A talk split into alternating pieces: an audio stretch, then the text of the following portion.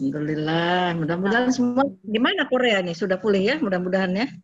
Alhamdulillah, cuman kita lagi di gelombang ketiga Ustazah. Jadi iya? kemarin sempat naik lagi, tapi hmm. alhamdulillah mungkin sekarang di sebagian uh, kota sudah menurun lagi ya. Tapi masih uh, banyak yang uh, social distancingnya di tingkatnya dipertinggi. Uh, oh. Mm -mm. Mudah-mudahan semuanya dijaga Allah. Ya, baik. Uh, baik, kalau begitu saya buka dulu ya acaranya. Uh, jadi, Alhamdulillah dengan tadi Ustazah Wiwi, pembicara spesial hari ini. Dan malam hari ini, MTC spesial, temanya adalah saat aku mencintainya. Nah, jadi uh, pertama-tama uh, kita buka dengan bacaan basmalah bersama ya. Bismillahirrahmanirrahim. Alhamdulillah. Hamdan شكير حمدا نعيم حمدا يوافي نعمه ويعافي ويكافئ مزيده. يا ربنا لك الحمد كما ينبغي لجلال وجهك وعظيم سلطانك. بسم الله الرحمن الرحيم. uh, اللهم صل على محمد وعلى سيدنا محمد. uh, ربي اشرح لي صدري ويسر لي أمري واحلل عقدة من لساني يفقهوا قولي. ya alhamdulillah uh, Uh, karena ini MTC yang spesial, jadi spesial buat saya pertama kali menampilkan wajah saya ya di sini. Mudah-mudahan mbak-mbak yang hadir di sini tidak merasa kecewa ataupun menyesal mengikuti MTC, apalagi sampai uh, trauma ya. Mudah-mudahan tidak, insya Allah. Kita bergabung di sini karena bukan karena saya atau mungkin Mbak Rufai atau Mbak Bella sebagai uh, ketua Rumah Isa Korsel di sini ya dan bukan pula juga karena Ustazah Wiwi, tapi yang pasti kita berkumpul di sini hanya karena Allah, gitu ya. Allah lah yang memudahkan kita, yang meridhoi kita untuk bisa berkumpul di sini dalam uh, agenda Muslimah Taklim Cyber Korea Selatan dan dengan tema saat aku mencintainya. Baik, kalau begitu, uh, sebelum kita mulai, alangkah lebih baiknya kita dengarkan dulu ya dengarkan dulu. Terima kasih Mbak Uci. Masya Allah. Kita dengarkan dulu uh, lantunan ayat suci Al-Quran. Mungkin dari salah satu mbak-mbak di sini ada yang berkenan untuk bisa membacakan uh, ayat, dua ayat dari uh, Al-Quran. Mbak.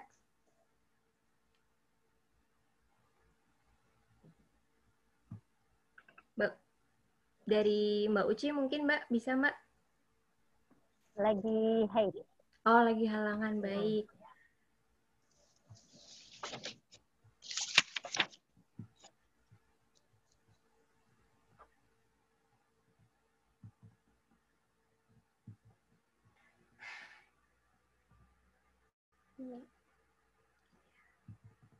Baik, adakah yang bisa Mbak yang lain untuk bisa membacakan uh, ayat Al-Quran?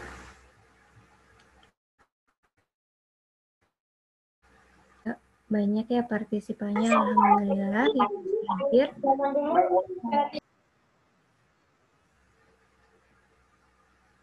ya.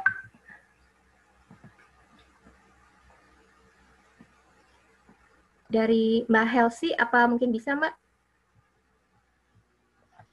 Saya lagi berhalangan juga Mbak. Oh, lagi halangan juga. Baik Mbak, iya. Mbak saya boleh Mbak? Oh, silakan. Silakan, Mbak. Surat apa ya, Mbak? Apa aja kan ya, Mbak? Boleh, apa saja, Mbak.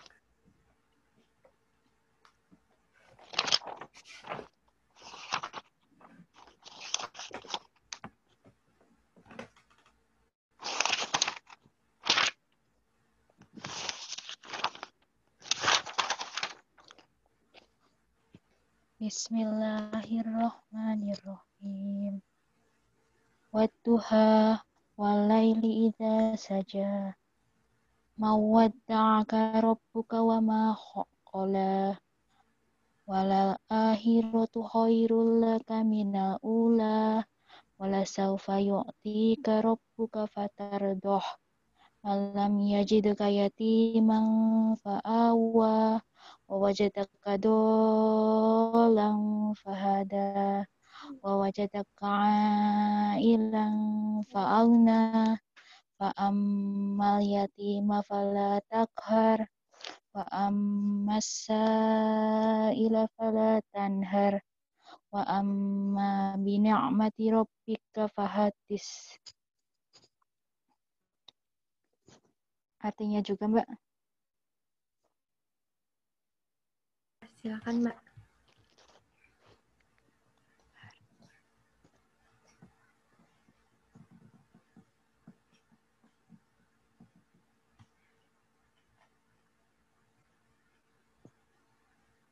Halo, Mbak. Hmm. Bentar, Mbak, baru cari artinya. Demi waktu duha ketika matahari naik sepenggalah, dan demi malam apabila telah sunyi, Tuhanmu tidak meninggalkan engkau, Muhammad, dan tidak pula mencimu, dan sungguh yang kemudian itu lebih baik bagimu dari yang permulaan. Dan sungguh kelak Tuhanmu pasti memberikan karunia-Nya kepada, kepadamu sehingga engkau menjadi puas. Bukankah dia mendapatimu sebagai seorang yatim, lalu dia melindungimu? dan dia mendapatimu sebagai seorang yang bingung, lalu dia memberikan petunjuk. Dan dia mendapatimu sebagai seorang yang kekurangan, lalu dia memberikan kecukupan. Maka terhadap anak yatim, janganlah engkau berlaku sewenang-wenang. Dan terhadap orang yang minta-minta, janganlah engkau menghardiknya.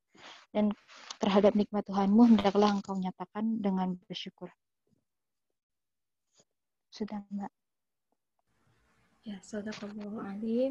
Jazakillah khair Mbak Ismi ya yang sudah berkenan untuk membacakan ayat suci Al-Quran. Uh, tadi surat Ad-Duha ya tentang uh, di mana Allah ber, uh, ber ini ya berkalam tentang waktu duha. Ya, uh, mudah-mudahan apa yang dibacakan bisa menambah keberkahan ya acara kita pada malam hari ini dan mudah-mudahan bertambah juga pahala kebaikan bagi yang membacakan dan juga mendengarkan. Amin, amin ya rabbal alamin. Uh, baik, uh, sebelum kita menuju ke Ibu Wiwi ya, Ustazah Wiwi, uh, mungkin saya lebih dahulu membacakan kurikulum kita beliau ya. Baik, jadi uh, Ustazah Wiwi ini merupakan salah seorang aktivis ya, aktivis muslimah. Beliau um, memiliki nama lengkap Ibu Wiryaningsih. Ya. Kemudian uh, anak beliau uh, 11 orang ya Bu ya. Dan Ibu Wiwi ini lahir 11 September 1962 di Jakarta.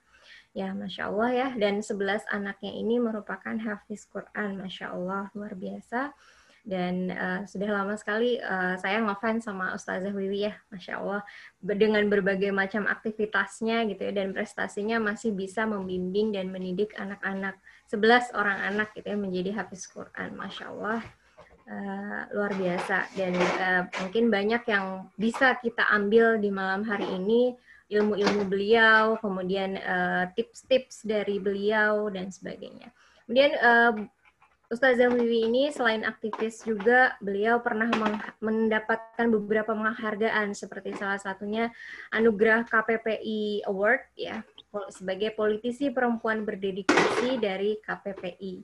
Kemudian uh, sebagai salah satu keluarga teladan dan beliau juga dianugerahkan sebagai ibu favorit dan ibu teladan dari majalah Umi. Masya Allah. Luar biasa Ibu Wiwi ini ya dan uh, dengan berbagai aktivitasnya masih sangat uh, bisa ternyata uh, mendidik anak-anaknya sebagai uh, hafiz Quran. Masya Allah. Baik, uh, Ustazah, apakah mungkin bisa sudah bisa bergabung ya, Ustazah? Udah nih, saya udah kelihatan kah? Udah, sudah Alhamdulillah. Baik, Ustazah. Dengar suara saya?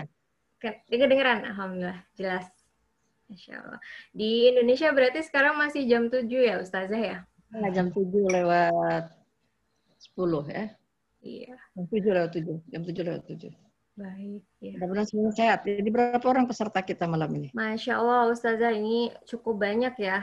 Ada yes. 58 orang ya partisipan malam hari ini. Kira 500 orang. Iya. dari mungkin tidak hanya dari Korea saja, tapi ini banyak yang mungkin dari Indonesia juga, kemudian uh, dari negeri yang lain mungkin ya.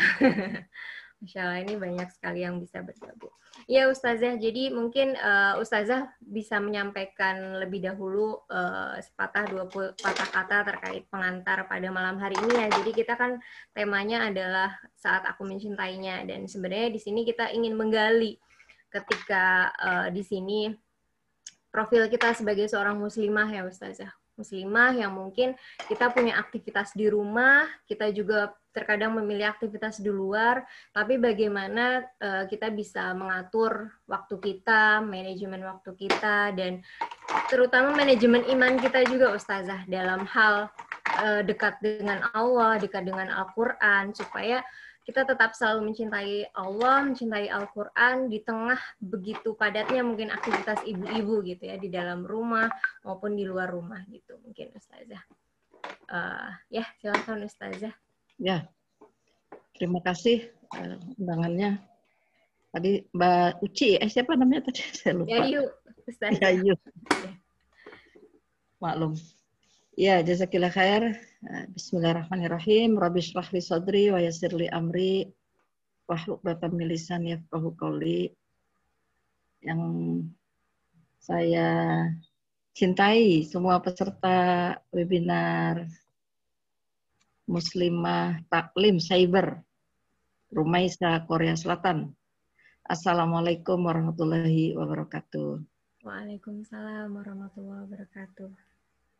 Innal hamdalillah nahmaduhu wa nasta'inuhu wa nastaghfiruhu wa na'udzu billahi min syururi anfusina wa min sayyiati a'malina may yahdihillahu fala mudhillalahu wa may yudlil fala hadiyalah asyhadu an la ilaha illallah wahdahu la syarikalah wa asyhadu anna muhammadan abduhu wa rasuluhu la nabiyya ba'da.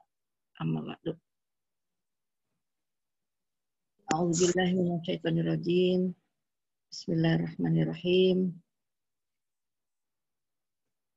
Waman amila solihati min zakari al unsa wa huwa mu'min fa ulaika yadkhuluna al-jannata wa la yuzlamuna naqira. Sadaqallahul azim. Serta webinar yang disayang Allah Subhanahu wa taala, alhamdulillah malam ini kita masih dikasih kesempatan oleh Allah Subhanahu wa taala bertemu via online dalam situasi pandemi yang belum ada tanda-tanda menurun. Bahkan di Korea Selatan tadi saya mendapatkan informasi sudah memasuki gelombang ketiga. Mudah-mudahan kita semua diberi kekuatan oleh Allah SWT, dijaga dan dilindungi dan beruntunglah kita malam ini syukur pada Allah di waktu yang Allah berikan dengan saudara-saudara kita mungkin hari ini ada yang sakit, yang dirawat, yang sedang isolasi. Kita memilih waktu malam ini untuk berkumpul, duduk, dan insya Allah juga mendiskusikan hal-hal yang semakin menambah keimanan kita kepada Allah, menambah pengetahuan, dan tentu saja menjalin silaturahim di antara kita, mungkin dari berbagai belahan kota ya, ada di Korea, yang tersebar bisa jadi, jadi juga ada di Indonesia. Ini nikmat yang harus kita syukuri bersama, Alhamdulillah. Mudah-mudahan ini juga jadi sarana buat kita wasilah min wasail ya. Dikumpulkannya kita kembali Allah, oleh Allah di dalam surga Allah Subhanahu wa taala. Amin ya. Sebelum saya teruskan dengan tema Pertama soal data tadi ya. Jadi memang saya diberi karunia oleh Allah dengan almarhum Bapak ya. Itu 11, 7 laki, 3 perempuan. Tapi yang nomor 11 sudah dipanggil lebih dulu oleh Allah Subhanahu wa taala pada usia 4 tahun ya. Dan sekarang ada 10 empat orang mantu ya lima malah sudah bertambah jadi lima orang mantu dan cucu sudah sembilan alhamdulillah yang kedua ini soal judul saya dua hari ini posting di media sosial di akun saya. Mungkin orang tertarik karena judulnya. Ini pinter sekali nih panitia ya. Judul yang menarik, yang orang tertarik karena bahasa cinta itu bahasa yang akrab dengan sarangnya di Korea Selatan ini kan begini ya, cinta. Dan masya Allah memang Korea Selatan khususnya termasuk negeri yang saat ini menjadi kiblat iya, lifestyle jutaan anak Indonesia, jutaan generasi muda Indonesia, dan saya kira juga di seluruh dunia. Mulai dari K-pop sampai kepada film-filmnya, lifestyle gaya hidup, mulai digandrungi ya, mulai dicintai. Saya menyebutnya kalau sudah di atas cinta, ciri-ciri cinta itu adalah gandrung sampai meniru gaya hidupnya dan seterusnya itu lebih dari satu setengah juta. Sampai fans beratnya ini kalau ke Korea itu kalau sudah stres, depresi, nggak cocok, mengakhiri hidup dengan cara yang mudah begitu dengan melakukan bunuh diri juga itu banyak ditiru oleh eh, anak-anak muda kita. Nauzubillah min mudah-mudahan itu terjadi dan malam ini kita berkumpul dalam suasana yang mudah-mudahan semakin bertambah baik kebaikan kita karena umur yang dikasih oleh Allah. Jadi kata cinta ini kata yang menarik dan sesungguhnya spektrumnya luas. Jadi tidak salah juga kalau panitia menyebut saat aku mencintainya, yang dimaksud itu adalah saat aku mencintai Al-Quran. Ini memang permintaan saya juga. Jadi bagaimana menemukan kecintaan kita sebagai seorang muslim kepada kitab suci Al-Quran yang dia merupakan panduan hidup manusia. Karena bahasanya dikata dengan cinta, ya, saya ingin mulai dengan istilah cinta. Jadi ada dua terminologi di situ. Kalau disinggung soal muslimah dan Al-Quran, dan judulnya juga disebut saat aku mencintai Al-Quran, maksudnya begitu sekaligus penjelasan nih kepada para pemirsa ya, para peserta. Jadi yang dimaksud ini adalah saat aku mencintai Al-Quran. Saya ingin mulai dengan istilah cinta. Itu dalam bahasa Arab itu hub, ya, hubun. Terminologi hubun ini kita bisa temukan misalnya di dalam surat At-Taubah, dalam surat Al-Baqarah ayat 165, dan kalau dalam bahasa Inggris namanya love ya. Kalau di Korea begini tandanya. Cinta. Nah dalam bahasa Arab, terminologi itu dimasukkan di dalam Al-Quran oleh Allah, dikaitkan dengan kecintaan kepada Allah. Kecintaan kepada Sang Maha Pencipta. Hingga kata cinta itu sering oleh Ibnu oleh Ibnu Taimiyah mendefinisikan kata Tuhan la ilaha illallah kata ilah itu dengan salah satunya itu unsur hub jadi al-ilah, la ilaha illallah. Kan kalau diterjemahkan dalam bahasa Indonesia itu tidak ada Tuhan selain Allah. Nah, oleh Ibnu Taimiyah beliau memanjangkan atau menerjemahkan kata ilah, kata Tuhan dalam bahasa Indonesia Tuhan. Tapi dalam bahasa Arab, dalam kalimat tauhid, beliau menyebutkannya seperti ini. Walladhi ya'lahul qalbi bikullil hub ada kata hub, kata ada cinta di situ. Jadi ilah itu adalah sesuatu yang digandrungi oleh hati dengan segenap cinta. Nah, ada kata cinta di situ. Itu maksudnya mengambil dari surat Al-Baqarah ayat 165. Asyaddu hubbalillah, jangan sampai kita cinta kepada manusia itu nanti dulu ya kak di unmute dulu mohon itu yang para peserta yang lain jadi jangan sampai manusia mencintai sesuatu atau manusia lainnya melampaui cinta kita kepada Allah. Ibu kemudian menjelaskan tadi dia yang digandrungi oleh hati dengan segenap cinta bikulil hub wa takrim wa ta'zim wa tajlil. Jadi ilah itu artinya sesuatu yang digandrungi oleh hati dengan segenap cinta dan penghormatan, pemuliaan dan pengagungan. Nah, untuk memudahkan mendefinisikan cinta, kemudian Ibnu Taimiyah itu membuat tahapan-tahapan sampai ke tahapan cinta yang sebenarnya, cinta yang hakiki. Dimulai dari rasa simpati, senang, empati, muncul rasa suka, sampai kemudian mulai dari rindu ya, syauk. Udah syauk, rindu. Jadi cinta itu senantiasa melahirkan rasa kerinduan rasa selalu ingin. Makanya orang yang sudah dipenuhi hatinya oleh cinta, apalagi hatinya penuh dengan cinta, itu apa saja yang diinginkan oleh yang dicintai, dia akan lakukan. Tadi kan sampai ada lagu, gunung pun kan kudaki, lautan pun lautan pun kan ku seberangi. Yang penting aku dapatkan cintamu. Sampai banyak lagu-lagu yang aku tercipta untukku, aku tercipta untukmu.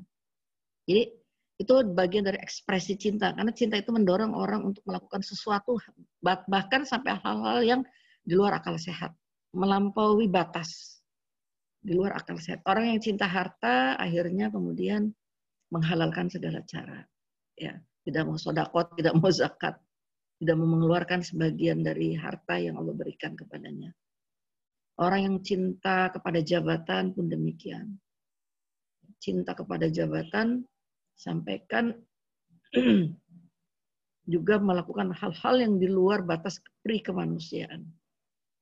Orang yang cinta gelar pun sampai membuat ijazah palsu dan sebagainya.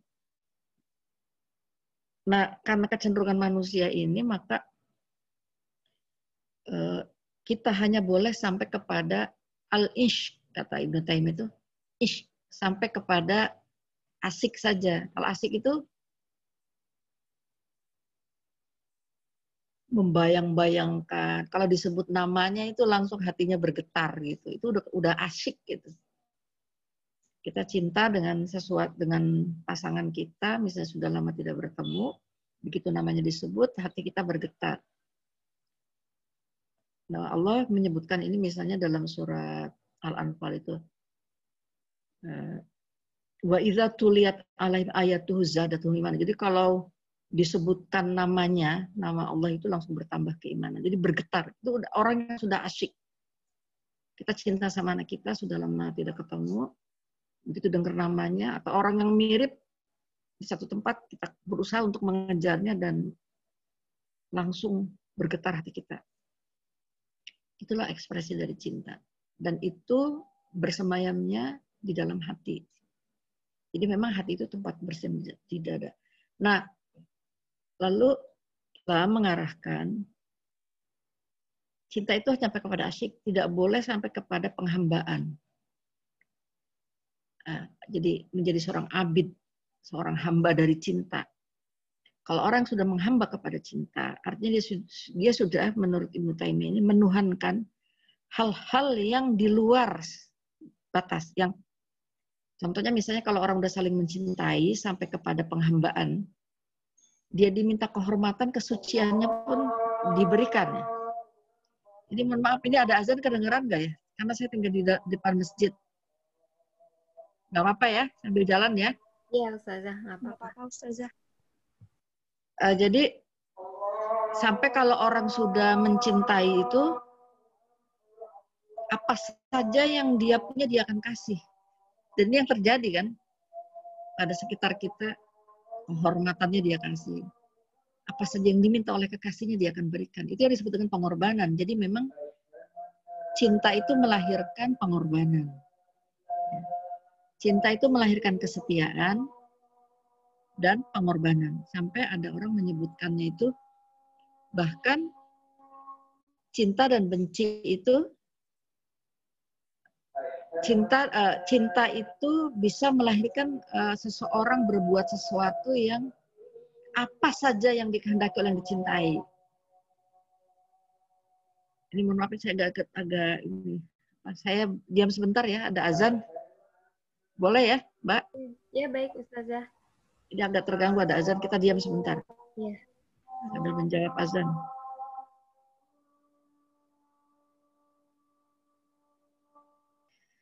Kan karena kita ingin bagaimana menjadi orang-orang yang mencintai Al-Quran. Cinta itu sampai bisa melahirkan kesetiaan dan pengorbanan. Nah, kesetiaan ini jadi ujungnya itu adalah e, marah dan benci karena sesuatu yang kita cintai. Jadi kalau yang kita cintai itu mencintai sesuatu, kita ikut mencintai sesuatu. Kalau yang kita cintai itu membenci sesuatu, maka kita juga ikut membencinya. Itu dalam bahasa Arab namanya al-hub wal bughdu fillah. Jadi harusnya cinta dan benci itu karena Allah.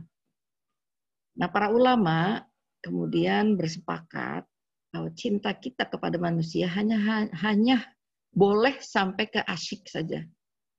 Asik membayangkan masih boleh sekali-kali. Ya, malam dan siang terbayang-bayang wajah itu biasa, artinya masih dalam situasi yang normal. Nah, yang tidak boleh itu sampai ke penghambaan. Ya, sehingga kalimat la ilaha illallah yang disebutkan oleh Ibnu Taimiyah tadi lahul qalbi tadi itu tidak boleh disandingkan kepada yang lain. Makanya ada jamak kata kata jamak ya dari ilah itu alihah. Ilah itu artinya Tuhan, kalau jadi alihah Tuhan Tuhan. Begini, kalau kita kemudian mencintai sesuatu sampai melampaui batas sampai kita menghamba kepadanya, berarti kita sudah menurhankan sesuatu selain Allah. Jadi yang disebut dengan alihah tadi Tuhan-Tuhan. Jadi banyak Tuhan-Tuhan di sekitar kita yang kita sembah juga selain Allah dan itu dilarang dalam surat uh, Al-Baqarah 165 itu. Kita asyadu hubbalillah itu kecintaan kita yang sungguh-sungguh itu hanya kepada Allah Subhanahu wa taala. Nah, ini yang disebut juga sebagai cara pandang ya, paradigma kita dalam kehidupan ini. Jika kita mencintai sesuatu, itu harus ada takarannya harus ditakar. Apakah sesuatu yang kita cintai ini disukai oleh oleh sesuatu yang kita cintai atau tidak? Ibnu Taimiyah menyebutnya mahabbatul mahbub min tamami mahabbatul mahbub. Jadi orang yang mencintai itu akan mencintai apa yang dicintai oleh kekasihnya. Jadi kalau kita mencintai suami, mencintai istri, atau mencintai anak, adakah Allah juga mencintai yang kita cintai ini? Maksudnya sifat-sifatnya hendaknya membawa juga keseluruhannya itu menghamba kepada Allah Subhanahu wa taala. Mengabdi kepada Allah menjadi hamba. Nah, ini demikian jadi ukuran takaran cintanya itu memang subjektif supaya tidak subjektivitasnya itu melampaui batas. Batasan itu adalah apakah Allah ridha atau tidak. Ridha Allah kalau kita baca dalam surah hadis itu terletak pada ridha orang tua murkanya Allah itu terletak pada murkanya orang tua. Hanya dalam batas-batas cinta kemanusiaan itu dalam hubungan ayah dan anak, orang tua dengan anak, itu juga jangan sampai kita melukai orang tua kita karena bisa jadi orang tua kita hatinya terluka menjadikan Allah tidak ridho. Begitu ya, hubungan antar kemanusiaan kita di, di dalam kehidupan ini takaran cinta itu harus diukur dengan jangan sampai melampaui batas cinta kita kepada Allah. Nah, jadi apa? Kalau menurut Ibnu Qayyim, cinta bisa berarti perasaan yang dibarengi oleh kecenderungan yang mampu mendorong pemiliknya bergantung pada yang dicintai. Jadi ada ada ketergantungan kepada yang dicintai. Rely on gitu ya sampai jadikan tempat bersandar. Nah, faktornya itu setidaknya ada tiga ya peserta webinar sekarang tiga. Pertama itu sifat dan keindahan yang dicintai. Ini ada buku judulnya Taman Orang-orang Bercinta.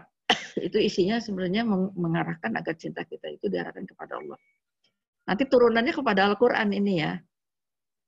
Yang pertama sifat dan keindahan yang dicintai, kemudian perasaan orang yang mencintai, dan yang ketiga ada ikatan atau kecocokan antara yang mencintai dan yang dicintai. Jadi memang kalau dalam konteks hubungan manusia, pasangan suami istri itu sebenarnya bukan bukan karena kehebatannya suami yang hebat atau mencari istri, tapi memilih pasangan yang tepat, yang pas, yang cocok secara kejiwaannya ada chemistry gitu, ya. Nah, pertimbangannya lagi-lagi Nabi Nabi Muhammad SAW menyebutkan yang bisa membuat jiwa kamu cocok itu adalah agama. Karena kalau cantik bisa hilang, ganteng, kegantengannya bisa hilang. Enggak salah memilih itu, tidak salah. Tapi jadikanlah pertimbangan agama sebagai pertimbangan pertama. Masya Allah ini. Cinta juga bisa terlahir karena identik ya, jiwa pada tabiat yang diciptakan. Jadi sebenarnya cinta itu mulia. Jadi bukan cinta itu buta ya. Cinta itu mulia. Karena mulia itulah makanya harus dihantarkan kepada sesuatu yang suci dan mulia yaitu Allah Subhanahu wa taala yang menciptakan kita sebagai makhluknya dan disertakan ke dalam jiwa kita. Itu rasa perasaan cinta tadi. Nah, karena dia luhur dan mulia, dia suka juga pada hal-hal yang sifatnya sebenarnya kalau mengikuti kata hati kata jiwa kita itu suka pada sesuatu yang pertama kebenaran, suka pada ilmu pengetahuan, ya, suka mengarahkan kepada sesuatu yang baik, yang disebut dengan bisikan hati, di mana tempat bersemayam cinta itu mengarahkan orang pada kebaikan. Terus dia mampu bersabar menghadapi segala tantangan dalam kehidupan, dan tabah menghadapi ujian. Ini menurut Ibnu Qayyim di dalam bukunya tadi Taman Orang-orang yang Bercinta ya. Nah, sekarang bagaimana kalau kita hubungkan dengan mencintai Al-Qur'an? Ya, ini masuk nih. Bagaimana kita termasuk atau menjadi orang-orang mencintai Al-Qur'an? sebelum sampai ke bagaimana kita mencintai Al-Quran, kita karena pembicaraan hari ini dalam persiapan Hari Ibu sebagai seorang perempuan tentunya kita sebagai seorang muslimah, saya akan, akan singgung sedikit tentang perempuan dan Al-Quran atau muslimah dengan Al-Quran.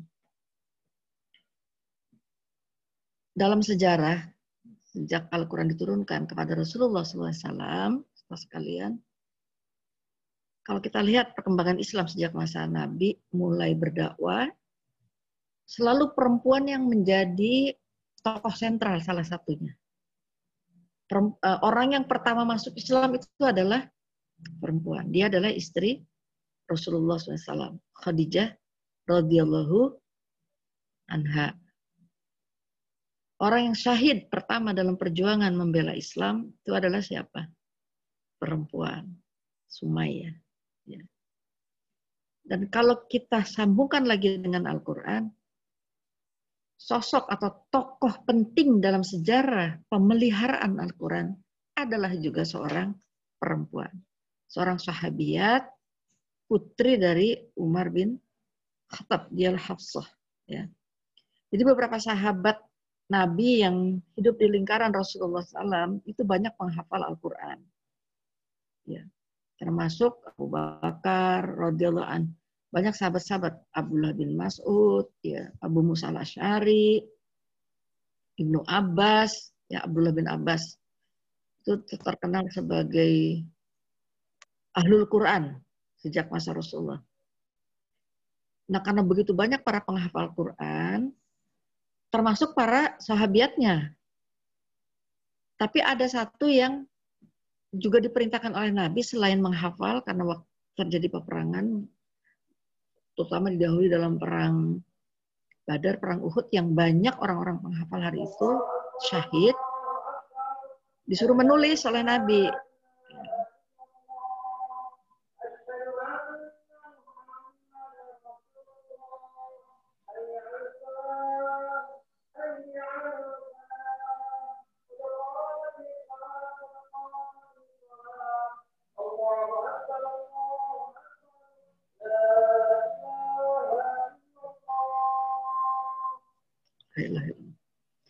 Nah, itu juga perempuan. Jadi satu dia adalah istri Rasulullah, Hafsah, yang menjaga mushaf. Jadi banyak sekali sahabat Nabi hari itu yang mencatat ada di pelepah kurma dan sebagainya.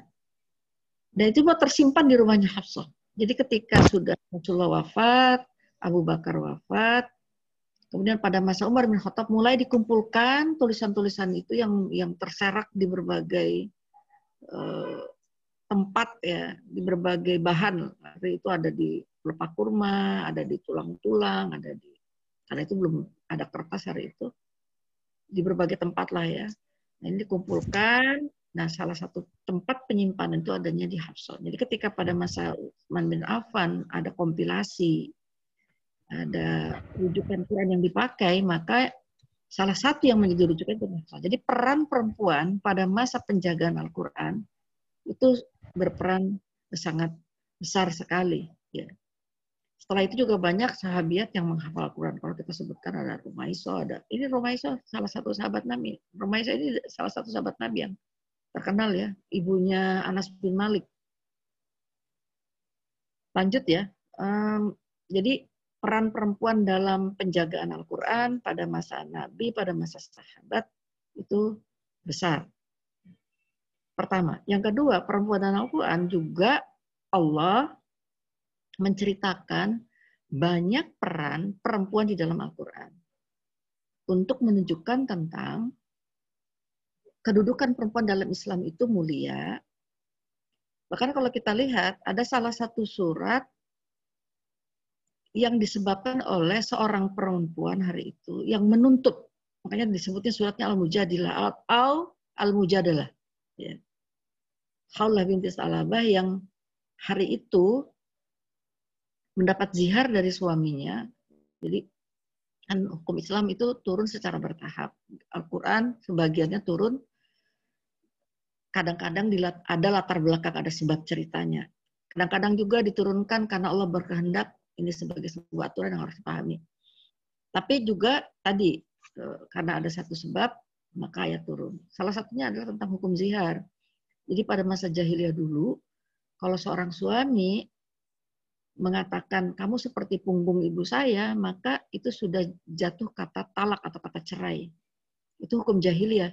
Dan hukum jahiliyah pada masa dulu itu, ketika seorang perempuan sudah dibilang dizihar oleh suaminya kayak punggung ibu saya. Nanti suaminya kapan aja mau datang kepada istrinya nggak ada ide nggak ada apa bisa menggauli lagi gitu seperti nggak ada aturan. Betul-betul perempuan diperlakukan secara hina tidak terhormat disepelekan dan sebagainya. Ya. Nah karena perlakuan yang tidak manusiawi pada masa itu laki-laki kepada perempuan Lalu Khawla yang hari itu menjadi sahabat Rasulullah SAW, ketika sudah dizihar, suaminya pergi keluar, meninggalkan dia, eh, tiba-tiba eh, Khawla ini keluar juga, gitu ya, karena oh, dia pikir ini gimana ya hukum yang sebenarnya. Dia ada tanya-tanya ke tetangga, dia tidak mau dicerai oleh suami saya, masih mencintai suami saya. Terus semua teman-teman yang sudah meluk Islam pada hari itu tidak bisa menjawab bagaimana hukum Islam tentang perempuan yang sudah dizihar oleh suaminya. Akhirnya datangnya kepada Rasulullah, Rasulullah tidak bisa menjawab juga karena ayat belum turun. Sudahlah kembalilah kepada suamimu. Ya saya mau kembali, tapi ini hukumnya bagaimana dizihar oleh suami. Kemudian malamnya suaminya datang lagi minta mau menggauli, tapi tadi pagi tadi siang sudah bilang menzihar istri, tapi kenapa sekarang datang lagi? Sebagai seorang perempuan muslimah yang taat kepada Allah dan Rasulnya, Haula tidak mau melakukan apa pun sebelum ada kejelasan hukum tentang zihar dalam Islam seperti apa. Beberapa kali kemudian kalau eh, datang kepada Rasulullah, Rasulullah terdiam. Bahkan Aisyah radhiyallahu hari itu juga yang ada di sisi Rasulullah tidak mendengar pengaduan ini. Nah, karena Nabi tidak bisa menjawab, lalu turunlah surat Al-Mujadilah yang di situ disebut perempuan yang menggugat. Nah, jadi uh, lalu Islam mendudukan kita tidak masuk ke soal bab fikih ya. Saya hanya ingin mengatakan bahwa Islam itu menceritakan kepada kita pertama peran perempuan dalam sejarah penjagaan atau penegakan itu besar. Yang kedua, Islam diturunkan oleh Allah kepada kita umatnya melalui risan Rasulullah SAW dari generasi generasi sampai kepada kita itu menempatkan perempuan secara mulia pada masa dulu dihinakan, disepelekan, ditindas, diinjak-injak, tidak dihargai sebagai manusia. Pada satu sisi juga ada perempuan yang bebas, tidak punya kehormatan dan sebagainya. Nah, lalu Islam turun, memuliakan perempuan, menempatkannya secara terhormat dalam kehidupan, sejajar dengan laki-laki dan dan Allah menyebutkan bukan karena jenis kelaminnya dia mulia, tapi Allah menyebutkan inna akramakum indallahi. Yang paling mulia di sisi Allah adalah yang paling takwa. Laki, perempuan, siapa pun dia kalau dia bertakwa kepada Allah, maka dia adalah manusia yang mulia di sisi Tuhannya. Nah, inilah kalau kita mau melihat bagaimana perempuan dan Al-Quran. Untuk menunjukkan kemuliaan tentang perempuan dalam Al-Quran, sampai Allah menyebutkan secara khusus ada surat yang disebut dengan surat An-Nisa. Ada tokoh sejarah penting yang dia disebut satu di antara perempuan penghulu surga yaitu Maryam disebutkan satu surat khusus tentang Maryam ya. Tadi juga surat Al-Mujadilah dan kisah-kisah sukses keluarga yang dibangun pada masa lalu yang disebutkan Al-Qur'an itu juga melibatkan kaum perempuan pada masa itu. Nah, inilah keindahan Islam bagaimana kedudukan perempuan di dalam Al-Quran. Nah, kita lanjut eh, peserta sekalian adalah bagaimana kita membangun pribadi kita sebagai seorang muslim itu pribadi yang mencintai Al-Quran. Tentunya ingin saya pertama sampaikan di sini adalah sebagai seorang muslim, berarti agama kita kan Islam. Karena agama kita Islam, kita harus yakin dengan agama yang kita peluk. Jangan ragu-ragu. Kalau ragu-ragu, nanti kita terkena orang yang syak, orang ragu-ragu dengan agama kita sendiri. Jadi nanti kita agnostik ya, kita percaya agama tapi tidak mengikuti ajarannya. Kita percaya Tuhan tapi tidak beragama. Itu agnostik. Nah, ketika kita mengaku sebagai seorang muslim, maka kita meyakini juga kebenaran tentang Islam. Nah, di antara kebenaran tentang Islam itulah pertama, sumber agama kita, agama Islam itu adalah Quran dan hadis. Quran dan hadis. Jadi kalau kita kalau kita meyakini Islam sebagai agama kita, maka kita juga meyakini sumber ajaran agamanya. Jadi salah satu tes ujian kita, suatu agama itu benar atau tidak itu salah satunya adalah kitab suci. Kitab sucinya. Jadi ukuran sebuah agama adalah punya kitab suci.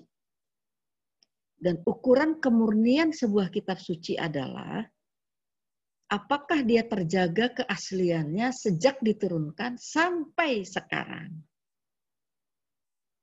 Nah, ini yang tadi kalau di dalam pengantar saya tentang cinta, salah satu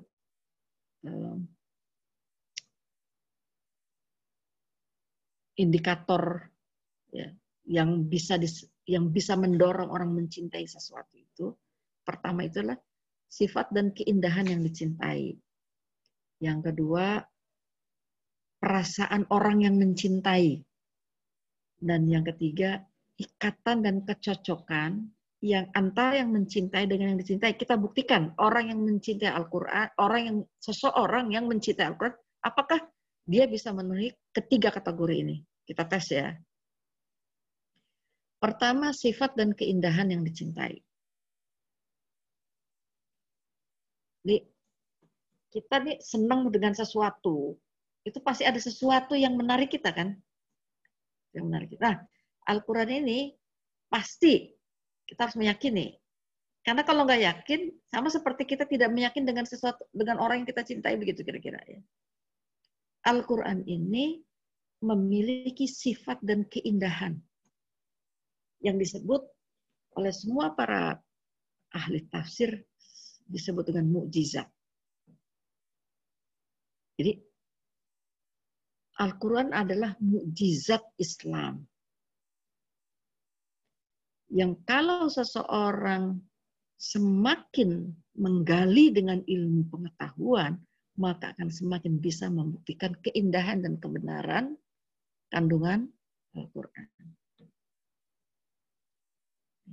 Saya mulai dari tentang keasliannya. Di Al-Quran ini terjaga keasliannya sejak diturunkan hingga akhir zaman. Jadi sejak mulai, jadi ada satu kebiasaan gini, sejak mulai diturunkan dulu, begitu Nabi menerima wahyu, disampaikan, dihafal oleh Rasulullah, dan Allah memberikan sebuah keutamaan kepada Rasulullah SAW, itu hafal, Nabi langsung hafal dan disampaikan kepada para sahabat. Nah, para sahabat langsung kemudian semua menghafal, dan setiap bulan Ramadan, setiap bulan Ramadan, malaikat Jibril turun ke bumi bertadarus bersama Rasulullah dengan para sahabat, para penghafal Al-Quran. Jadi dibenarkan bacaannya, kemudian diberi judul surat ini, kemudian ditempatkan ayat ini adanya di surat Al-Baqarah, ayat ini adanya di surat Luqman, ayat ini adanya di surat Al-Imran. Sehingga para sahabat semua hari itu yang berkumpul di sekitar Nabi memiliki bacaan. Kita sekarang, sekarang hari-hari ini, sering mendengar ada istilah sanad sanad. Itu artinya riwayat yang bersambung. Misalnya gini, eh, saya hari ini mendapatkan informasi dari Bella tentang acara. Bella mendapatkan informasi dari katakanlah di sini ada Uci gitu ya. Nah, ketika bersambung ini disebut dengan sanad atau periwayatan. Nah, sahabat hari itu ada sekitar tujuh jadi tujuh cabang yang punya bacaan yang berbeda-beda. Dan itu semuanya dibenarkan oleh Rasulullah SAW. Karena kita sekarang kan kita kalau baca Quran suka mendengar Bismillahirrahmanirrahim. Wa mursa kata majreha pada tulisannya majroha ya bacanya majreha itu juga bagian dari hal yang dituntun oleh malaikat Jibril kepada Rasulullah dan kemudian Rasulullah sampaikan kepada para sahabat. Lagi? Dalam surat Yusuf la tak mana tulisannya mana biasa tapi ini mulutnya kita agak monyongkan monyongkan dikit mana gitu ya. La tak mana nah makanya peserta sekalian peserta webinar yang dimulakan oleh Allah membaca Al-Quran tidak boleh sendirian harus berguru harus ada guru itu sebabnya kenapa kitab suci Al-Quran ketika diturunkan oleh Allah kepada Rasulullah itu melalui malaikat Jibril disebut dengan Rasulullah bertalaki kepada Jibril. Para sahabat talaki kepada Rasulullah. Ini disebut dengan sanad. Para sahabat menurunkan lagi kepada para tabi'in, tabi'in menurunkan tabi'in, tabi'in seterusnya sampai kepada kita. Ini disebut dengan sanad. Pemilik sanad tertinggi hari ini yang bacaannya bersambung kepada Rasulullah disebutkan eh, ada al-asyrah jadi ada 10 macam eh, bentuk atau apa ya cara membaca yang berbeda-beda tapi semuanya dibenarkan menurut riwayat yang sampai kepada Rasulullah eh, disebutnya kirah sabah ya jadi tujuh macam cara membaca Al-Quran kalau kita lagi makmum kepada seseorang hafiz, yang kok ini bacaannya nggak akrab di telinga kita ya. Karena kalau di Indonesia ini itu pakai jalur yang disebut dengan riwayat asim. Hafaz, bacaan hafaz dengan riwayat asim. Itu yang umumnya dipakai oleh masyarakat Indonesia. Kalau kita datang ke misalnya ke Irak atau ke negara-negara yang juga di sana banyak para penghafal Quran dengan riwayat yang berbeda, ini kenapa kayaknya bacaannya lain? Ah, sesungguhnya mereka juga punya sanat jalurnya masing-masing yang sampai kepada Rasul. Ini disebut dengan talaki.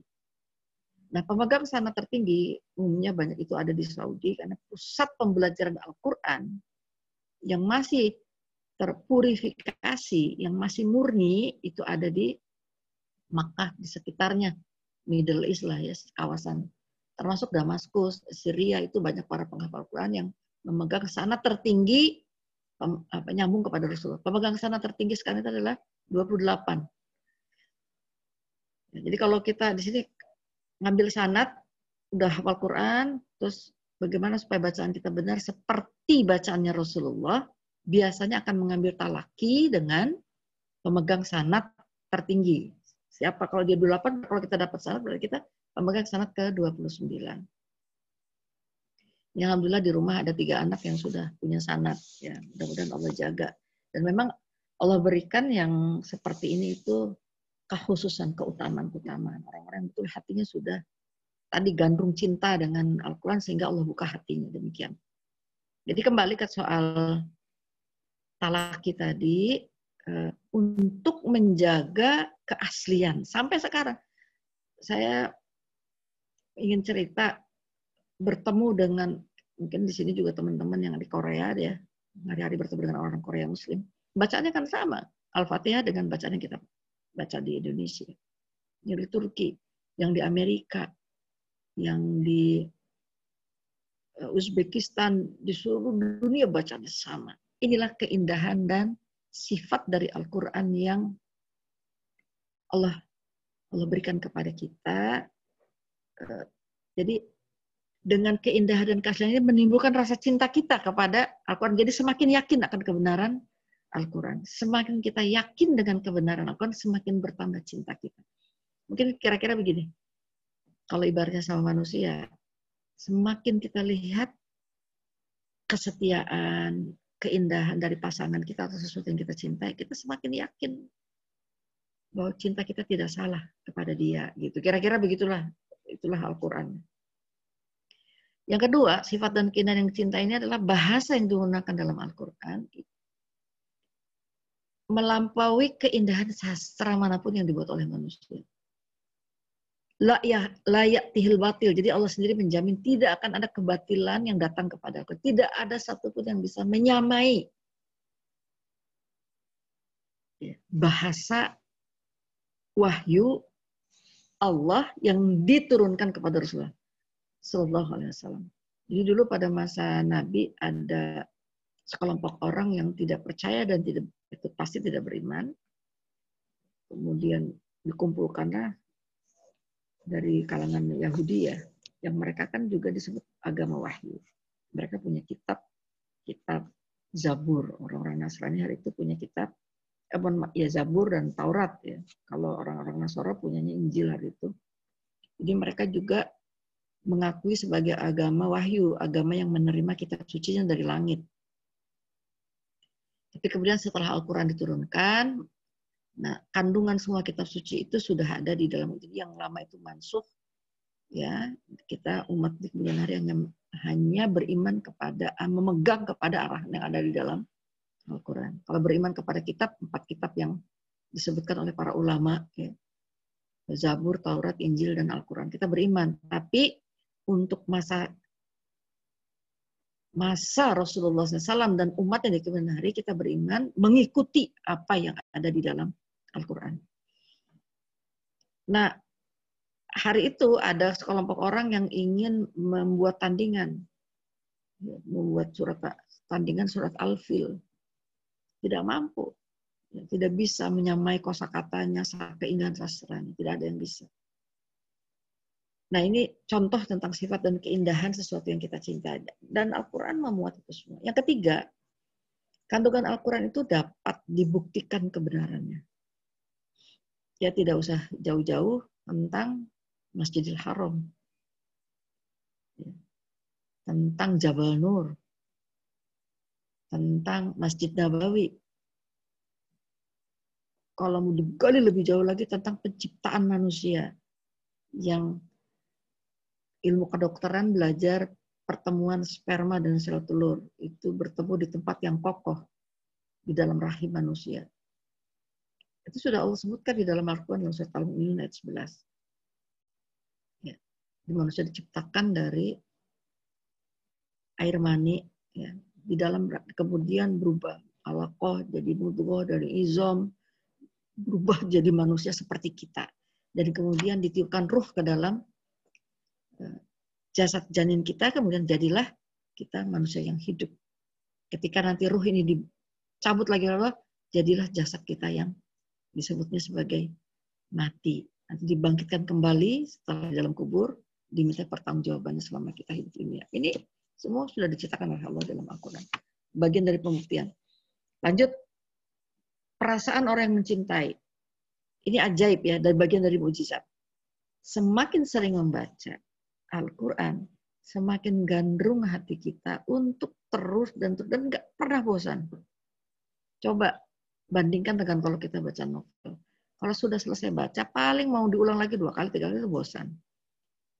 Tapi dengan Al-Quran, mau ribuan kali hatam, tidak pernah kita merasakan kebosanan. Bahkan yang tadinya mungkin baca awalnya susah, begitu sudah mulai masuk halaman kedua, ketiga, keempat, semakin asik terus. Juz satu selesai, ingin masuk ke juz dua, juz dua selesai, ingin masuk ke juz tiga. Ini ajaib, ini mujizat. ya. Mencintai sesuatu yang Allah buka hati kita tempat bersemayam cinta untuk terus mencintai unlimited tanpa batas. Ya, karena dia adalah apa? wahyu Allah Subhanahu wa taala. Ya. Nah, ini yang kedua, ketika bersama Al-Qur'an ada ketenangan di dalam hati. Allah biziklahi tatmainnul qulub. Di hmm, di dalam surat Al-Fatih itu Allah menyebutkan walazi anzala sakinata fi qulubil mu'mini fi qulubil mu'minin liyazdadu imanan ma'a imanihim. Jadi Allah yang menurunkan ketenangan itu di dalam hati kita. Kalau sudah bersama Al-Quran, muncul rasa rasa tenang, rasa tentram. Karena begini ya, ini kita bicara tentang sisi kemanusiaan aja. Orang kalau lagi marah, kan kita diperintahkan untuk wudhu. Ada tips kalau lagi marah itu salah satunya adalah dengan membuka Al-Quran. Karena nggak mungkin kita membaca Al-Quran dalam keadaan marah. Pasti ingin menghadirkan menghadirkan ketenangan. Gak mungkin kita baca Quran dengan marah-marah dan seterusnya. Begitu sudah mulai terus fokus karena karena mata kita, ya, pikiran kita, hati kita tertuju pada ayat-ayat yang sedang kita baca. Lalu Allah hadirkan ketenangan itu di dalam hati kita. Ini ajaib. Ini bagian dari mujizat. Ya. Yang ketiga, ini waktunya ya. Ikatan dan kecocokan antara yang mencintai dan cintai. Pertama, Al-Quran itu mudah dibaca dan difahami. Jadi dari mulai anak-anak balita sampai orang tua renta, semuanya diberi kemudahan oleh Allah untuk membaca Al-Quran. Orang Indonesia, orang Sunda, Jawa, Batak, orang Korea, apa pun sukunya, ras apa pun dia, begitu dia sudah mulai belajar Quran, Allah berikan kemudahan. Kemudahan ini adalah jaminan dari Allah Subhanahu wa taala. Ya. Lidah kita itu diberi kemampuan untuk membaca Al-Quran dan otak kita juga diciptakan oleh Allah untuk mampu menyerap keseluruhan isi Al-Quran dengan baik. Jadi gini-gini, Allah menghendaki kita membaca Al-Quran dan mencintai Al-Quran. Tapi Allah tidak membiarkan kita melakukan hal itu tanpa diberikan atau disiapkan toolsnya. Nah, toolsnya itu tiga. Ya, satu akal, dua hati, dan yang ketiga adalah yang ketiga adalah jasad kita. Jasad kita ini bentuknya apa? Pertama, mata bagi yang bisa melihat. Kedua, mendengar. Kalau mendengar ini sudah Allah fungsikan ketika sudah mulai di pembentukan janin di dalam rahim ibu kita. Ya. Wallahu akhrajakum min butuni ummahatikum la ta'lamuna syai'an. Wa ja'alakum as-sam'a. Jadi eh, Allah menciptakan kita, mengeluarkan kita dari perut ibu kita itu tidak tahu apa-apa. Tapi Allah menjadikan pendengaran kita berfungsi pertama kali. Itu sebabnya kenapa para peserta sekalian, bagi ibu-ibu yang ingin menghendaki anak-anaknya mencintai Al-Quran, kita masuk ke materinya, mulailah dari kita yang orang tua ini memahami tentang Al-Quran dan bagaimana kita mencintai Al-Quran, menemukan diri sendiri mencintai Al-Quran, dan kalau ini mau kita tularkan pada anak-anak kita dan keluarga kita, harus dimulai dari kita mencintai Al-Quran, dan kalau mau ditularkan si ibunya harus mempraktekkan sejak mulai si anak berfungsi pendengarannya. Sejak kapan itu? Sejak mulai dalam kandungan. Artinya si ibu harus baca Quran setiap hari agar si anak dalam kandungannya juga sudah mendengar lantunan ayat-ayat suci Al-Quran.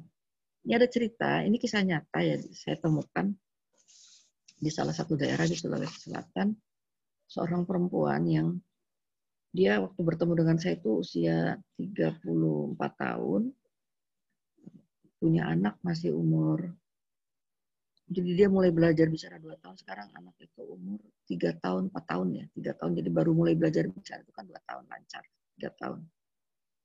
Nah karena dia bertekad tadi ya begitu cintanya kepada Al-Quran dan punya cita-cita anaknya adalah seorang yang mencintai Al-Quran dan dekat kepada Al-Quran sejak dia mulai hamil dia membuat program hatam baca Al-Quran tiga kali sehari.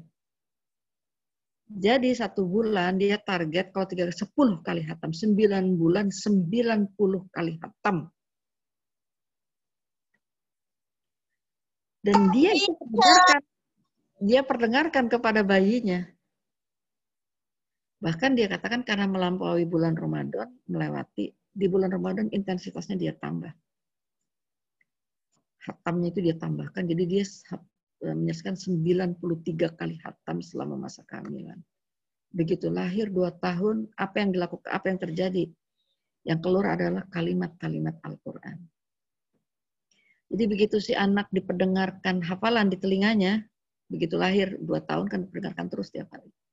Yang keluar itu panggilan. Jadi dia manggil uminya itu ketika dipanggil umi minta susu atau minta sesuatu, uminya nggak ngedenger ya udah anak umurnya itu udah tiga tahun tiga tahun, empat tahun, yang keluar ayat wa ummihi wa abihi wa sahibatihi wa bani. Itu surat apa itu? Ya. Yauma yafirul mar'u min akhi fa iza jatus sakhah yauma yafirul mar'u min akhi wa ummihi wa abihi. Karena di situ ada kata ummi. Dia manggil ibunya ummi, umminya dipanggil nggak dengar akhirnya keluar kalimat itu kalimat ayat suci Al-Qur'an ketika bertemu dengan saya, ibunya cerita, baru saja ini anaknya selesai menghafal juz 29, surat Al-Haqqah. Cukup satu kali mendengarkan surat Al-Haqqah, anak ini langsung hafal keseluruhan surat itu. Subhanallah.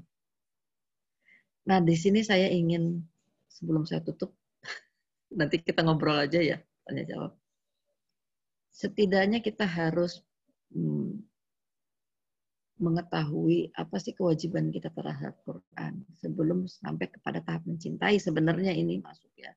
Pertama, membaca Al-Quran dengan baik dan benar. Karena kalau salah baca, salah arti. Sebab ini adalah wahyu Allah subhanahu wa ta'ala. Yang kedua, tahu ilmunya. Tahu ilmunya itu kalau kita sudah membaca Al-Quran lancar atau tidak lancar ya kita baca artinya ya apa sih artinya Al-Fatihah karena dia dibaca dalam sholat di hukum membaca Al-Quran itu wajib individu kenapa karena dia dibaca dalam sholat sementara sholat itu wajib kalau kita tidak membaca surat Al-Fatihah tidak sah sholat kita artinya wajib bagi kita belajar membaca Al-Quran dengan baik dan benar. Tadi bacaan Al-Quran harus diperbaiki. Dengan cara seperti apa? Baik dan. Harus dengan guru, tidak boleh sendiri. Tadi, Quran itu kitab suci, buku. Rasulullah SAW itu adalah guru. Jadi kalau kita refleksikan hari ini dengan sanat tadi, kita harus belajar Al-Quran, membaca Al-Quran dengan guru yang baik dan benar bacaannya. Ya. Walaupun kita tahu punya buku ilmu tajwid, nggak boleh sendirian nanti salah baca. Salah baca, salah arti. Yang kedua tahu artinya. Yang ketiga mengamalkannya. Ini kan udah tahu oh artinya surat Al-Fatihah. Hmm, Malik Yaumiddin, raja pada hari pembalasan, yang berkuasa, yang menguasai. Berarti nanti ada hari kiamat, hari ada ada balasan. Karena ada balasan kita harus berhati-hati. Berhati-hati dalam bersikap, berucap, berperilaku kepada orang lain karena nanti ada balasannya oleh Allah. Akan dibalas oleh Allah nanti di akhirat. Ini sebenarnya amalkan sedikit aja jaga lisan. Dunia ini damai. Menjaga lisan aja yang praktekkan. kalau di dalam surat Al-Hujurat itu ada misalnya tentang akhlak kita kepada sesama muslim itu nggak boleh prasangka buruk pada saudara kita. Nggak boleh gibah jelek-jelekin saudara kita. Karena kalau kamu ngejelek-jelekin saudara kamu di balik pembelakangannya, kamu sama dengan memakai memakan daging bangkai.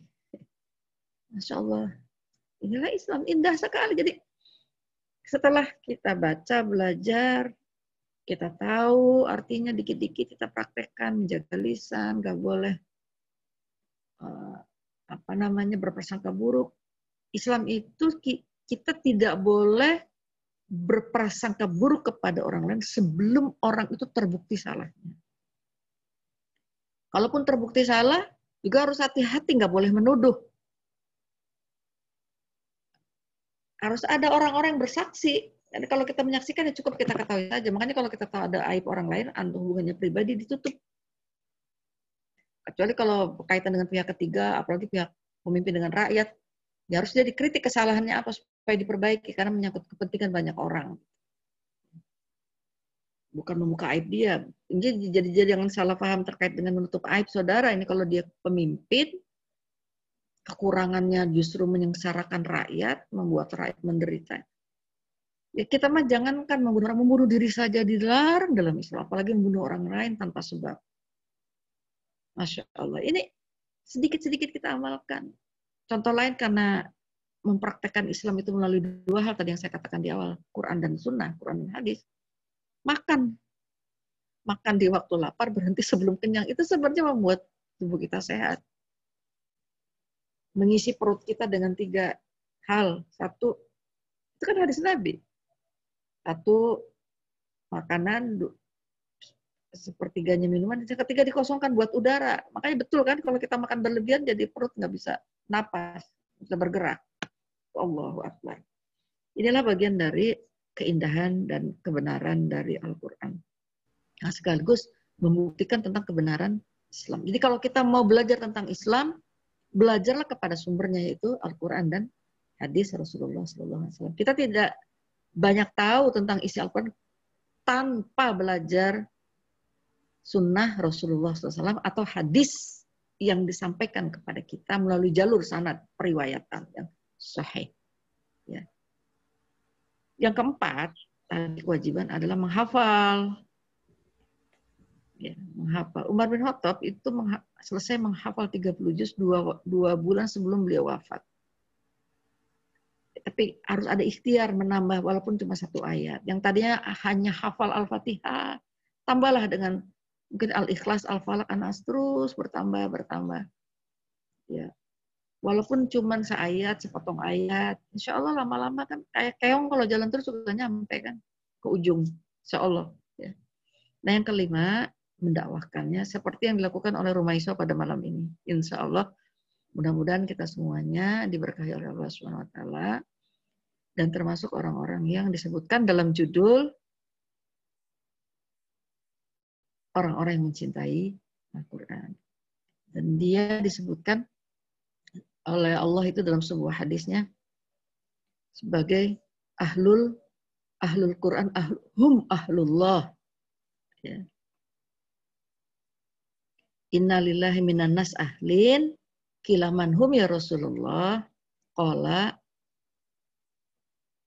ahlul Quran hum ahlullah. Ini hadis yang disebutkan oleh Rasulullah kepada kita. Sesungguhnya di kalangan manusia itu ada yang disebut sebagai keluarganya Allah. Siapakah dia ya Rasulullah? Para sahabat bertanya. Ahlul Quran itu adalah keluarganya Allah Subhanahu wa taala. Dia akan memberikan cahaya di dalam kubur ketika semua orang tidak mendapatkan cahaya.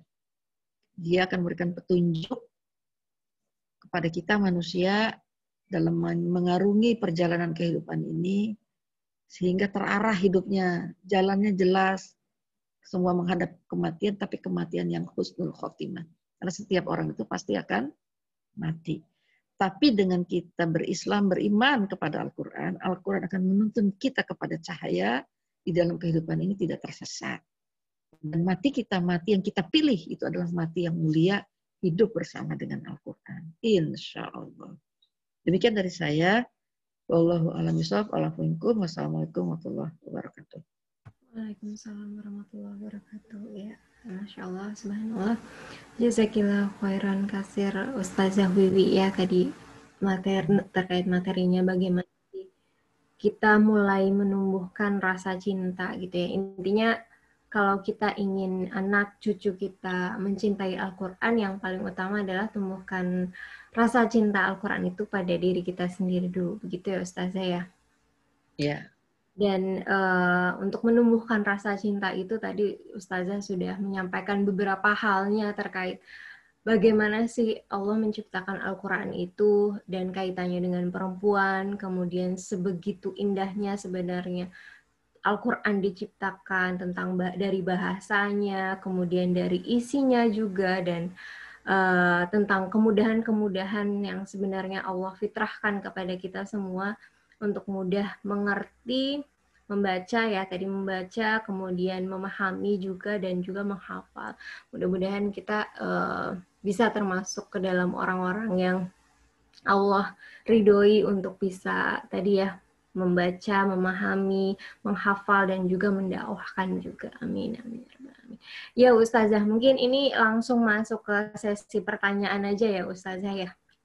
Ya, ya mungkin uh, dari Mbak-mbak di sini Masya Allah yang hadir sudah 78 ya. Tadi sudah sampai mencapai 80 lebih ya, 80 peserta ada yang dari Mesir, ada yang dari Malaysia juga, Indonesia, masya Allah luar biasa. Indonesia juga banyak sekali ya, Bandung, Jakarta, Banjarmasin. Tadi saya lihat juga, masya Allah banyak banget. Alhamdulillah, barakallahu fikum. Masya Allah, iya. Jazakillah khair Ustazah juga yang sudah me, ini ya mempromosikan di akun sosmed Ustazah juga mungkin ini ya. Itu saya hapus. Iya, alhamdulillah. Ya, mudah-mudahan ada yang bisa dipetik ya dari Insya Allah banyak-banyak sekali yang bisa uh, diambil dari uh, sharing dari Ustazah Wiwi yang tadi disampaikan. Baik, mungkin ada yang mau ditanyakan kepada Ustazah Wiwi langsung bisa melalui kolom chat ya. Bisa juga kalau misalnya mau bertanya langsung raise hand juga boleh. Uh, mungkin sebelum ke pertanyaan, uh, menyampaikan terkait ini ya, apa uh, kesempatan yang baik untuk teman-teman sekalian gitu. Uh, Rumaisa Korea Selatan ini me, punya apa namanya? Ada banyak kegiatan ya, dan kami punya beberapa media sosial juga. Mungkin Bamba yang di sini bisa like dan subscribe juga. Ada sosmed dari YouTube, kemudian ada Facebook page, kemudian ada juga Instagram, semuanya uh, Rumaisa Korsel ya akunnya. Silahkan Mbak Mbak di follow. Dan uh, ada kesempatan untuk Mbak Mbak juga berbagi kebaikan gitu ya untuk uh, Rumaisa di sini mengadakan kegiatan, berbagai kegiatan melalui rekening infak yang mungkin bisa di-share oleh ya jadi di sini ada ada rekening infak di Korea dan kemudian rekening Indonesia juga atas nama Mbak Sabila dan bisa konfirmasi juga melalui WhatsApp. Ya, jadi uh, bisa menyalurkan infaknya dan insya Allah ini bisa jadi amal jari ya ke depannya. Amin, amin ya Baik, um, kita langsung ke pertanyaan ya. Ada beberapa mungkin dari pertanya, uh, peserta yang ingin bertanya. Nah, ini sudah ada Ustazah dari Mbak Zahra. Ya. Assalamualaikum Ustazah. Izin bertanya, bagaimana cara mengajak kelu kembali keluarga? Orang tua, kakak, dan adik membuat agenda untuk duduk bersama, punya quality time bersama Al-Quran dalam satu hari tanpa paksaan. Itu Ustazah. Ya. Ya. Langsung ya, jawab ya. Iya, uh, Ini memang perlu proses. Tadi saya di awal mengatakan bahwa cinta itu tumbuhnya kan di hati. Ketika kita bicara tentang hati, kita bicara tentang perasaan. Senang, susah, suka, duka, setuju, tidak setuju, itu kan letaknya ada di perasaan kita dan itu hanya di hati. Itu pertama. Yang kedua, Al-Quran ini bukan sekedar, mohon maaf ya, dia bukan sekedar tulisan yang ada di, di atas kertas. Dia adalah kitab suci, dia adalah wahyu Allah yang mengandung di dalamnya itu petunjuk kepada hati kita. Jadi memang ini harus disambungkan dulu nih suasananya, suasana hati dengan Al-Quran. Mungkin pertanyaannya lebih kepada bagaimanakah menimbulkan suasana hati kita dekat dengan Al-Quran. Nah, karena hati itu pasang surut, sebagaimana yang disebutkan oleh Nabi, al-imanu yazidu dan kadang naik kadang turun, manusia itu mengalami situasi semacam itu. Kadang ada mood, kalau bahasa psikologinya itu kadang lagi mood, kadang tidak. Nah, sebagai orang yang Allah kasih kepada kita, petunjuk, cinta kepada Al-Quran dan kita ingin mengkondisikan keluarga kita, maka kita harus bisa membaca situasi mood dan tidak mood ini sebagaimana kita juga bisa membaca situasi hati kita sendiri. Ya. Itu yang menurut saya tips pertama yang harus kita lakukan adalah bagaimana membangun suasana rumah itu suasana yang bisa kita baca. Senang dan tidak senang, dan sebenarnya interaksi kita dengan Al-Quran setiap hari memegang mushaf begini, itu kan tidak 24 jam. Karena waktu kita kan juga bukan hanya megang Al-Quran, ada juga waktu kita masak, makan, mandi, berinteraksi, bicara, ngobrol, dan sebagainya. Kantor, mungkin kerja yang work from home, yang studi, dan sebagainya. Kalau kalau boleh saya saran sebagai tips yang kedua, kita buat jadwal. Setiap hari bersama keluarga itu waktu-waktu berinteraksi dengan Al-Quran secara mushaf. Pegang ke Al-Quran, itu harus dibuat waktunya. Ya. Kalau yang pertama tadi suasana itu yang di rumah maksud saya gini, buatlah suasana di rumah itu suasana yang Qurani gitu. Quran itu di mana malaikat mau masuk rumah kita.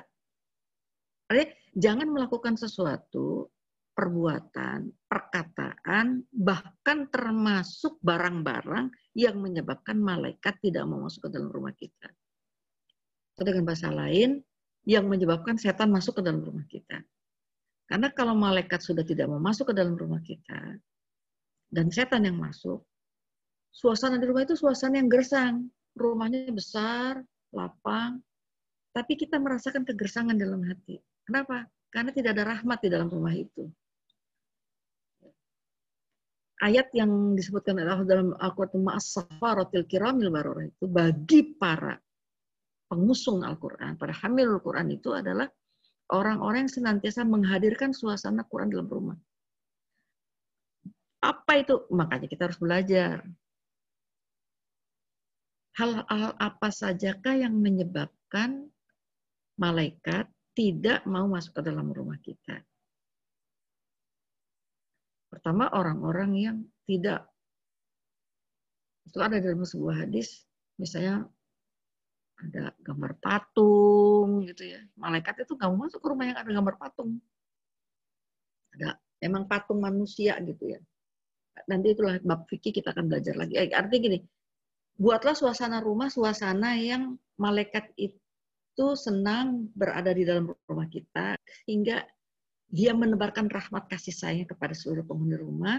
Kalau seluruh penghuni rumah sudah mendapatkan mas safaratil kiramil barara, kebersamaan dengan para malaikat ini, ada suasana ketenangan, ada lama-lama akan tumbuh rasa tadi mudah dinasehati, mudah diajak, mudah disentuh.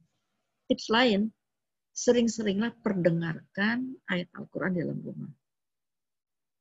Kalau misalnya yang bertanya ini Bu Zahra, Mbak Zahra ini adalah orang yang sudah dibuka hatinya oleh Allah untuk mencintai Al-Quran. Mulai dari dia yang tiap hari jangan pernah bosan untuk memperdengarkan Al-Quran. Tiap hari. Jangan bosan karena ini masalah hati. Masalah hati itu pasang surut, berproses, perlu proses, perlu waktu. Ya. Jadi, langsung rumah dibuat terus uh, juga ada buku-buku, ada kitab Al-Quran yang orang kalau pergi ke mana aja dia lihatnya Al-Quran. Di kamar ada Al-Quran, ruang tamu ada Al-Quran, ruang tengah ada Al-Quran. Jadi setiap mata melihat ada mushaf, di sana ada mushaf. Hmm. Nah, karena suasana dibangun terus, lama-lama mudah-mudahan Allah buka hati kita semua. Nah, ada lagi satu lagi doa. Jadi di samping upaya-upaya tadi, suasana rumah, terus eh, kita aja sendiri memberikan contoh buat waktu-waktu kita bersama dengan Al-Quran. Kemudian jangan lupa senantiasa setiap habis sholat, terutama di waktu-waktu khusus pada sholat malam, munajat pada Allah. Mohon agar hati seluruh penghuni rumah ini menjadi orang-orang cinta dengan Al-Quran. Dan itu ada doanya yang diajarkan Allah maja'alna min ahlil Quran. Ya Allah jadikanlah kami bagian dari orang-orang yang mencintai Al-Quran, keluarga Quran, keluarga yang mencintai Al-Quran. Karena Allah yang mempunyai hati kita ya. Terakhir saya ingin menyampaikan begini. Ustazah. Ya. Oh iya. Enggak, maksud saya gini. Kita kalau ngomong Al-Quran ini, ngomong tentang hidayah, ngomong tentang petunjuk. Jadi petunjuk hidayah Allah yang diberikan kepada siapa yang dia kehendaki. Nah, kalau kita berkehendak, kita pingin, maka mintalah kepada yang sang maha pemilik kehendak itu, itu Allah Subhanahu wa taala. Ya. Jadi jangan merasa seolah-olah semua bisa kita kerjakan, kemudian seolah karena sebab kita kemudian orang mendapatkan hidayah ini. Tidak, semuanya milik Allah Subhanahu wa taala. Kemudian buat lingkungan di sekitar kita. Suasananya ada TPA, ada masjid. Ya. Kalau bagaimana di Korea nggak ada masjid, ya sering-sering ke masjid Itaewon itu apa? Masjid apa di Korea di Seoul? Masjid namanya Itaewon ya? Itaewon, Itaewon. Itaewon. Eh? Itaewon. Itaewon ya. Hmm. Kita sering ke situ ajak anak-anak kita ke situ ya bangun suasana itu di di rumah, di lingkungan sekitar kita, radio setel, murotal setel dalam rumah, terus mudah-mudahan dengan cara ini Allah buka hati semua insya Allah. alam. Intinya Kok, adalah pensuasanaan ya Ustazah ya. Pensuasanaan, pembiasaan seperti itu ya Ustazah. Ya, pertama keteladanan. Kalau bicara pakai teori, hmm. pertama keteladanan. Kedua, pembiasaan. Yang ketiga nasihat. Yang keempat dengan kisah-kisah. Yang kelima dengan penghargaan. Ya. Jadi kepada anak-anak kita yang rajin, baca Qurannya dikasih hadiah, ajak jalan-jalan, di hari-hari spesial dia. Dan sebenarnya nggak butuh banyak, kita sehari itu cukup paling lama setengah jam. Hmm. Nah, membangun yang setengah jamnya itu itu adalah hasil dari 23 setengah jam kita interaksi dengan keluarga kita. Bagaimana kita berkomunikasi, berinteraksi dengan anak kita selama 23 jam itu produknya adalah yang setengah jam bersama dengan Al-Quran itu. Saran saya sih eh, dibangun dua waktu ya habis subuh. Habis subuh itu sekarang di Indonesia ini jam 4 sudah subuh ya, jam 4 5 menit sudah masuk waktu subuh. Itu waktunya panjang sekali tuh sampai ke jam 6. Cukup. Nggak perlu lama, tapi tiap hari saja, 15 menit, 10 menit. Duduk, karena itu rutin, dawam, terus ini menjadi satu bentuk ya, satu karakter gitu di dalam rumah kita insya Allah. Habis itu habis maghrib sampai isya. Ya. Kenapa kita tahan berjam-jam dengan gadget kita sehari, tapi tidak tahan dengan Al-Quran walaupun cuma 15 menit? Karena tadi tidak dipaksa tidak dibiasakan harus harus dipaksa harus dibiasakan ya Bismillah Air udah jam berapa nih di waktu Korea nih malam. Ini sudah hampir pukul setengah sebelas malam Ustazah. Nah, tutup saja kalau gitu ya. Iya, mungkin ya Ustazah. Uh, jadi mohon maaf ini banyak sekali sebenarnya Ustazah yang bertanya. Atau mungkin satu lagi Ustazah dari penanya atau sudah dicukupkan ya mungkin?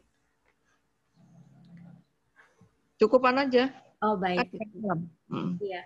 Bagi mbak-mbak sekalian, mohon maaf kalau yang pertanyaannya belum bisa dijawab ya, mungkin uh, bisa di ini kan tidak Ustazah kira-kira menjawab pertanyaan-pertanyaan ini melalui mungkin uh, email atau WhatsApp seperti itu barangkali nanti dari ke, kami Rumaisa mengirim pesan ke Ustazah begitu.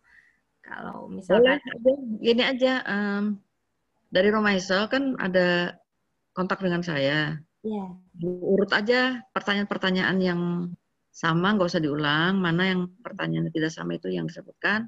Insya Allah, Allah kasih saya kesempatan untuk bisa menjawab, saya kirim nanti ke Rumaisa, biar Rumaisa yang kirim melalui IG ya, Instagram. Ya. Nanti saya di tag aja. Baik, baik. Sudah. Saya teruskan di story, biar semua orang insya Allah mudah semakin banyak yang baca. Semakin semuanya kita cinta Al-Quran, insya Allah. Amin, amin, amin, insya Allah.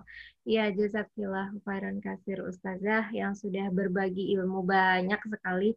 Dan ya, insya Allah uh, akan menjadi, insya Allah mudah-mudahan bisa menjadi amalan uh, yang amal baik ya untuk Ustazah. Dan kita juga bisa mendapatkan banyak manfaatnya dari Amin. yang Ustazah sampaikan. Amin. Dan yang paling penting adalah bisa mengaplikasikannya. Amin. Amin. Masya Allah, um, amin. Khair, cukup ya. Ya, jazakumullah khairan untuk Ustazah dan eh, teman-teman uh, di sini sekalian juga sudah hadir. Uh, setelah ini sebenarnya kami masih mengadakan ini ya Ustazah, apa sih kuis macam kuis. Jadi kalau misalnya Ustazah mungkin mau live dulu boleh ya? Ya, boleh Ustazah. Uh, apa ya Ustazah kalau dari kami banyak kekurangan, kesalahan. Sama, manusia banyak kekurangan. Saya juga mohon maaf kalau ada yang salah-salah. Ini karena sudah mulai uh, tua, jadi ngomong suka salah-salah. Mohon maaf ya. Jazakumullah khair. Waalaikumsalam warahmatullahi wabarakatuh.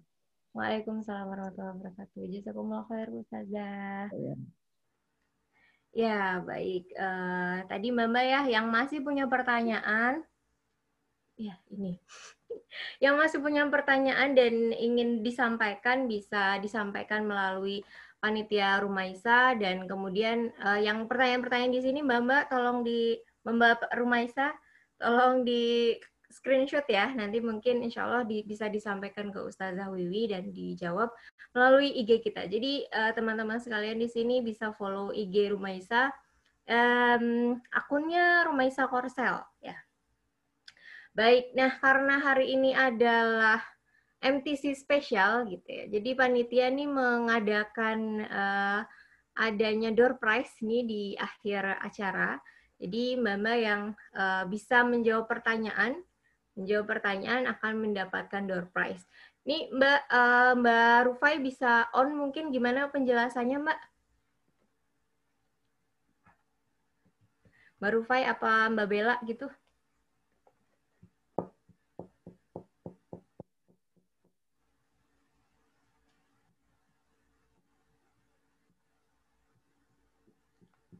Iya. Mbak Bella belum kedengeran. Ke mana ya? Oh, baik. Mbak Rufai, Mbak Rufai. Ya, jadi pertanyaannya mana nih, Mbak? Pertanyaannya ya, Mbak-mbak yang masih mau ikut door prize, eh mau ikut door. Ikut kuisnya, uh, stay tune dulu sebentar, Mbak.